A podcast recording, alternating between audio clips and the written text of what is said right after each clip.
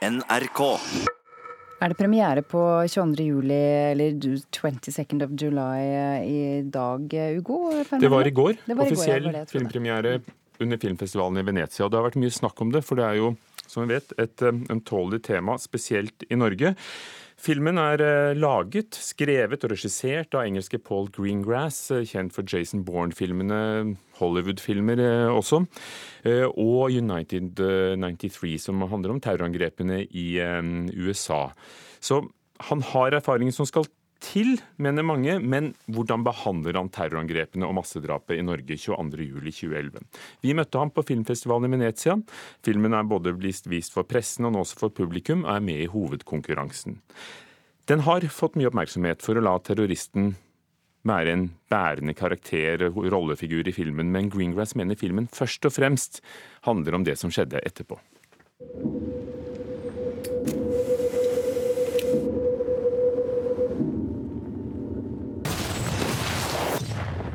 Obviously, if people had said, please don't do it, we wouldn't have done it. explosion has gone off in the center of the city. Hvis folk hadde bedt oss om å ikke lage filmen, ville vi ikke laget den, sier regissør og manusforfatter Paul Greengrass om sin nye film 22 July, når NRK møter ham under filmfestivalen i Venezia. 10. oktober kommer Netflix-filmen om terrorangrepene 22.07.2011, basert på boken En av oss av Åsne Seierstad. Filmen har fått mye oppmerksomhet for sin direkte skildring av terroristen Anders Behring Breivik og hans angrep på Utøya og i regjeringskvartalet. Like. Likevel er det ikke terrorhandlingene filmen handler om, sier Greengrass. In fact, the attacks in this film are a small part of the whole film. Most of the film, by far, by far, is what happened afterwards. Greengrass sier han ble dratt til historien om 22. juli fordi Norge satte et eksempel for verden da de møtte hat med demokrati og kjærlighet. How Norway fought for her democracy, faced the threat of the extreme violent right wing, and so how Norway responded has lessons for all of us. I still have hope, dreams, family, and friends. Likevel mener Greengrass det ville vært umulig å lage en innsiktsfull film om terrorangrepene uten å ta for seg gjerningsmannen. Derfor håndplukket Greengrass skuespiller Anders Danielsen Lie til å spille rollen som Anders Behring Breivik. He I think, most the sensitivities of playing the role. That it was imperative not to create a sympathetic portrait, but on the other hand, not to create a cartoon monster. I'm from Oslo PD. You heard about the bomb in the city? Yes. I've been sent to secure the island. Danielsen Lie selv var veldig i tvil om å takke ja til rollen som 22. Men han ville vise at det faktisk var et menneske, ikke et umenneskelig monster, som sto bak angrepene. And what I've seen in research is definitely not, not a monster. He's, uh, in most situations, quite ordinary, and that's the most disturbing thing. Filmer som 22 July er nødvendig for at samfunnet kan bearbeide hendelser som 22. juli, sier Greengrass. Ikke minst for å gi oppmerksomhet til kreftene som sto bak grusomhetene. The voices in the film that rise against Breivik are the ones that speak to a civilized life, democracy, and hope. Something went badly wrong, and we need to find out what. Greengrass håper nå at filmen blir tatt godt imot, og at folk ser filmen som en nyansert skildring av tiden etter terroren. Run, run, Toria, run, run! The last thing I want to do is contribute to anybody's pain and distress. Where's Vilja?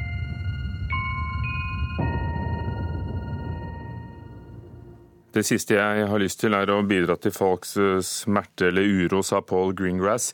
Reporter var Øystein Tronsli Drabløs, men eh, det var deg, Tiril Mettesdatter eh, Solvang, vår reporter på filmfestivalen i Venezia, som møtte Paul Greengrass på tomannshånd i går. God morgen. God morgen, god morgen.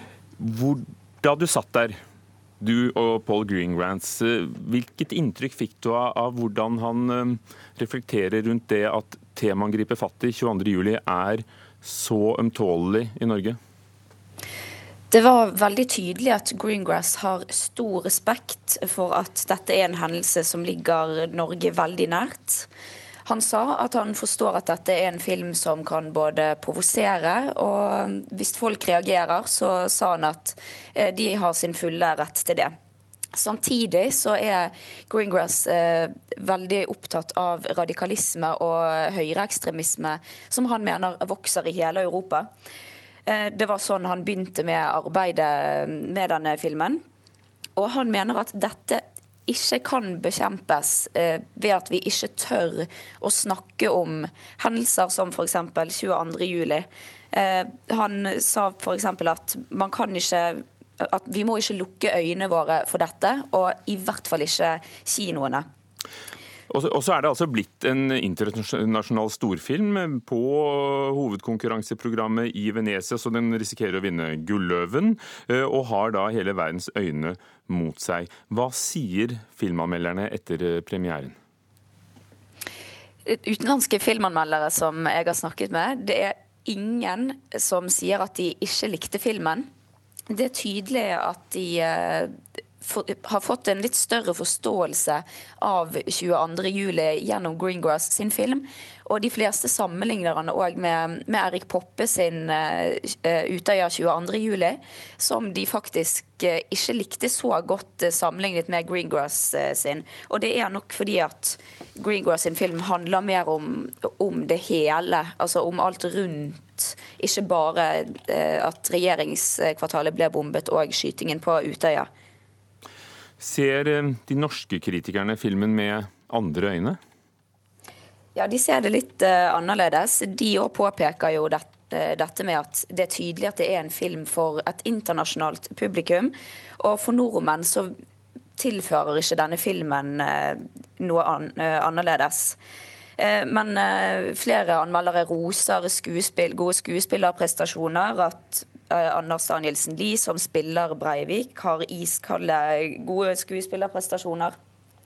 Og til tross for at de faktisk snakker engelsk, som flere nordmenn kanskje vil reagere på, så, så har skuespillet vært bra. Men eh, de sier jo at mange nordmenn nok vil la seg provosere av filmen. Ikke sant? Mens da jeg ser at The Guardians uh, kritiker gir den fem av fem mulige stjerner og sier at drama og journalistikk møtes i dette modige og mesterlige filmen om 22.07. 2011, så der er det forskjellig.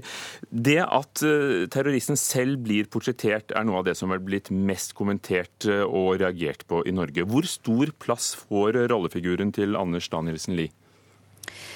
Eh, karakteren Breivik i filmen får stor plass. Han er med fra første til siste scene. Han er en av hovedkarakterene. Og eh, vi får jo se han både nærmt og, og fjernt. Både fra Utøya, regjeringskvartalet, i politiavhør der han spiser pizza og drikker cola, til at han sitter i, i retten og, og, får snakke om uh, meningene sine. Så det er jo klart at dette kanskje er noe som vil være provoserende på mange i Norge. Hvem er de andre hovedpersonene? Eh, den eh, andre som kanskje kan anses som en hovedperson, er karakteren Viljar Hansen, som også spilles av eh, Jonas Strand Gravli. Han har også fått veldig god, god kritikk fra anmelderne. 22.07. av Paul Greengrass er jo basert på Åsne Seierstads bok 'En av oss'. Hvor nær opptil boken har filmen lagt seg? Det er tydelig å se at filmen er basert på boken, men så skal det jo sies at det blir jo alltid forskjeller eh, på en bok på 500 sider og en film på, eh, på drøye to timer. Eh, det som kanskje er det tydeligste, er som vi hørte fra, fra reportasjen, og det er jo det at dette er en film som i stor grad handler om tiden etter terrorangrepet.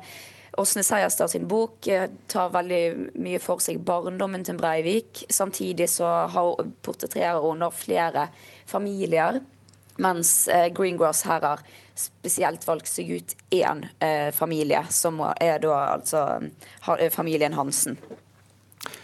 Takk skal du ha, Tiril Mettesdatter Solvang, som er vår reporter på filmfestivalen i Venezia, hvor 22.07 ble vist i går.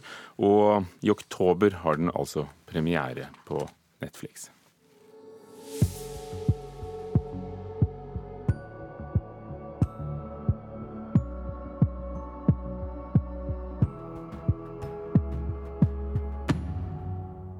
I dag legger Medietilsynet frem et nytt læringsopplegg som skal trene elever i ungdomsskolen i å avsløre falske nyheter. Tilbudet er eh, laget i samarbeid med journalistene i prosjektet faktisk.no og Utdanningsdirektoratet. Det er viktig å lære kildekritikk tidlig, sier direktør i Medietilsynet Mari Welsand.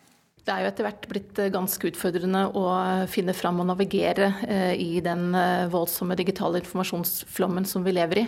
Så vi tror at det å hjelpe barn og unge til å bygge en kritisk medieforståelse, sånn at de kan ta i bruk dette innholdet på en god, informert og kritisk måte, er viktig. Hva vet dere om hvordan de unge ser på sin egen evne til å, å skille mellom gal og riktig og, og, god og dårlig informasjon på nettet? Vi vet fra våre undersøkelser at sju av ti 13-18-åringer mener selv at de er gode til å forstå om informasjon er sann eller usann.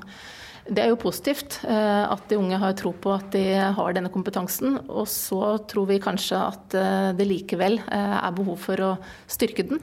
Så det er noe av det vi ønsker å oppnå gjennom dette læringsopplegget. Det kunne vært noe for enhver, det. Mari Welsand i Medietilsynet ble intervjuet av Kulturnytts reporter Thomas Alvarstein Ove. Vi skal til Sverige, ikke pga. valget, men pga. Svenska Akademien. Ja, de som deler ut Nobelprisen i litteratur, skjønt ikke i år, Akademien er inne i en skjebnestund etter en bitter maktkamp som følge av om, anklager om seksuell trakassering, inhabilitet, økonomisk rot og nå anmeldelser på, om voldtekt, så har den verdenskjente akademiet fra 1786 med sine 18 13 medlemmer, The Aderton, mistet sin anseelse over hele verden. Og Dermed ble det altså ingen nobelpris i litteratur i år, og det er vel ikke helt sikkert om det kommer noen til neste år. Nå sier tre av medlemmene, som ikke lenger møter i akademiet, en av dem er den tidligere sekretæren Sara Danius, at de kan være med på en redningsoperasjon for å velge de nye medlemmene som skal til for å rydde opp. Og i dag, som hver torsdag, holder Akademiet møte. Gunnar Bolin fra Sveriges Radio kulturredaksjon, du har fulgt uh, denne affæren um, lenge. Hva kan vi vente oss uh, når Akademiet kommer ut fra sin sammenkomst i dag? Jag tror faktiskt inte att vi kommer att få reda på särskilt mycket. Det intressantaste ikväll är nog vilka som kommer att vara med på mötet. Men där har de ju lurat oss vid tidigare tillfällen. De har ju alltid sina möten i Gamla stan i Stockholm, i Börshuset. Men när det var som mest kritiskt i våras, då kom ju ingen dit utan då kördes de ut till en av ledamöternas hem istället. Bakom ryggen på alla ledsna journalister. Så, men det, det är ju en stor del av intresset. Kommer de här tre Alltså, om man ska vara lite pedagogisk så är det så att Fyra personer har så att säga sagt upp sig från Svenska Akademin. De har begärt utträde och det kan man göra numera. Det kunde man inte för ett år sedan. Och de deltar då inte i arbetet. Sen är det tre personer som inte kommer på mötena men som inte har begärt utträde. Och det är Sara Danius, Kjell Espmark och Peter Englund. Och om de tre inte heller kommer, då är akademin inte vad man på svenska säger beslutsfähig. Det innebär att då kan de inte välja in några nya ledamöter för de måste vara minst 12 för att kunna välja in nya ledamöter. Och då har de här tre som, som är kvar i akademin men som inte går på mötena tror vi, sagt att de kan tänka sig att vara med i någon sorts räddningsoperation. Men förra veckan var det väldigt mycket fram och tillbaka. Kjell Espmark sa att vi återvänder till akademin. Då gick Englund och Danius ut och sa det gör vi verkligen inte. Och då ändrade sig Espmark och sa ja, vi återvänder inte men vi kan tänka oss att ställa upp på att rädda akademin igen.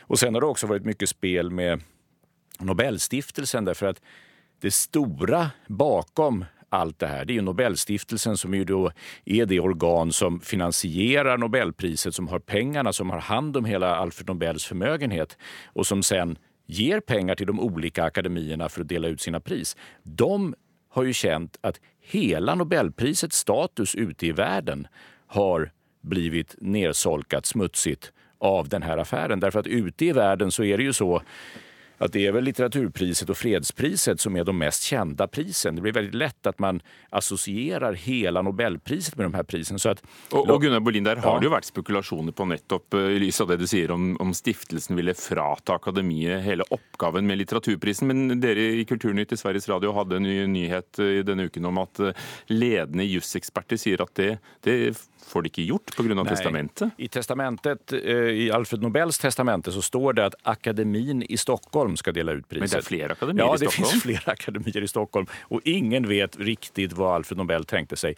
Men å andra sidan så är det väl så att drygt hundra år av tradition gör väl också väldigt svårt att, att bryta detta. Men hur kan de rädda eh, omdömet nu? Alltså det, det, som skulle kunna ske det vore ju om man eh, går tillbaka och åtminstone utåt säger att man, är, att man är överens. Man ska ju noga poängtera att de här anklagelserna och den här, det blir ju rättegång nu mot den som vi kallar kulturprofilen. Det är ju ingen som sitter i Svenska Akademin, det är en person som är gift med en ledamot i Svenska Akademin. Men däremot så driver han ju en stor kulturell verksamhet som har fått mycket pengar av Svenska Akademin. Och hans hustru som sitter i Svenska Akademin är delägare i den här litterära musikaliska klubben. Så hun har ju också fått pengar av sin egen akademi. Och då har man skött de här affärerna, alla sexuella anklagelser mot honom, som också har smutsat ner akademin. Det är hur man har skött det internt som har gjort att det har blivit såna här enormt stora stridigheter. Og det er jo ingen hemmelighet, er Katarina Frostenson, poeten. Ja, hun uttaler seg for første gang i, i, i, to svenske distriktsaviser og i en artikkel i The Zeit, altså skrevet av en annen. Hva sier hun? Hun sier jo framfor alt det her at det er, hun blir ikke kallad til noen møter, hvilket hun syns er skandaløst. Hun har også sagt at hun har aldri fått komme til akademien for å gi sin syn på saken. Inte från dag ett så ble hun ikke inbjuden. Og sen så har det vært en, en eh, advokatfirma som har undersøkt akademins eh, hela den här affären och de har inbjudit henne att ge sin syn i den här utredningen. Och det har hon vägrat för hon har sagt att jag har inte gjort något brottsligt, jag talar inte med advokater. Så det här är en otroligt sårig historia. Det, det liknar ett gammalt kärlekspar som skiljer sig åt och sen aldrig mer kan tala med varandra. Og Gunnar Bolin, takk skal du ha fra Sveriges Radios kulturredaksjon. Så får vi se om det kommer noen nyheter etter at Akademien har hatt møte i dag. Dette er Nyhetsmorgen klokken er halv ni.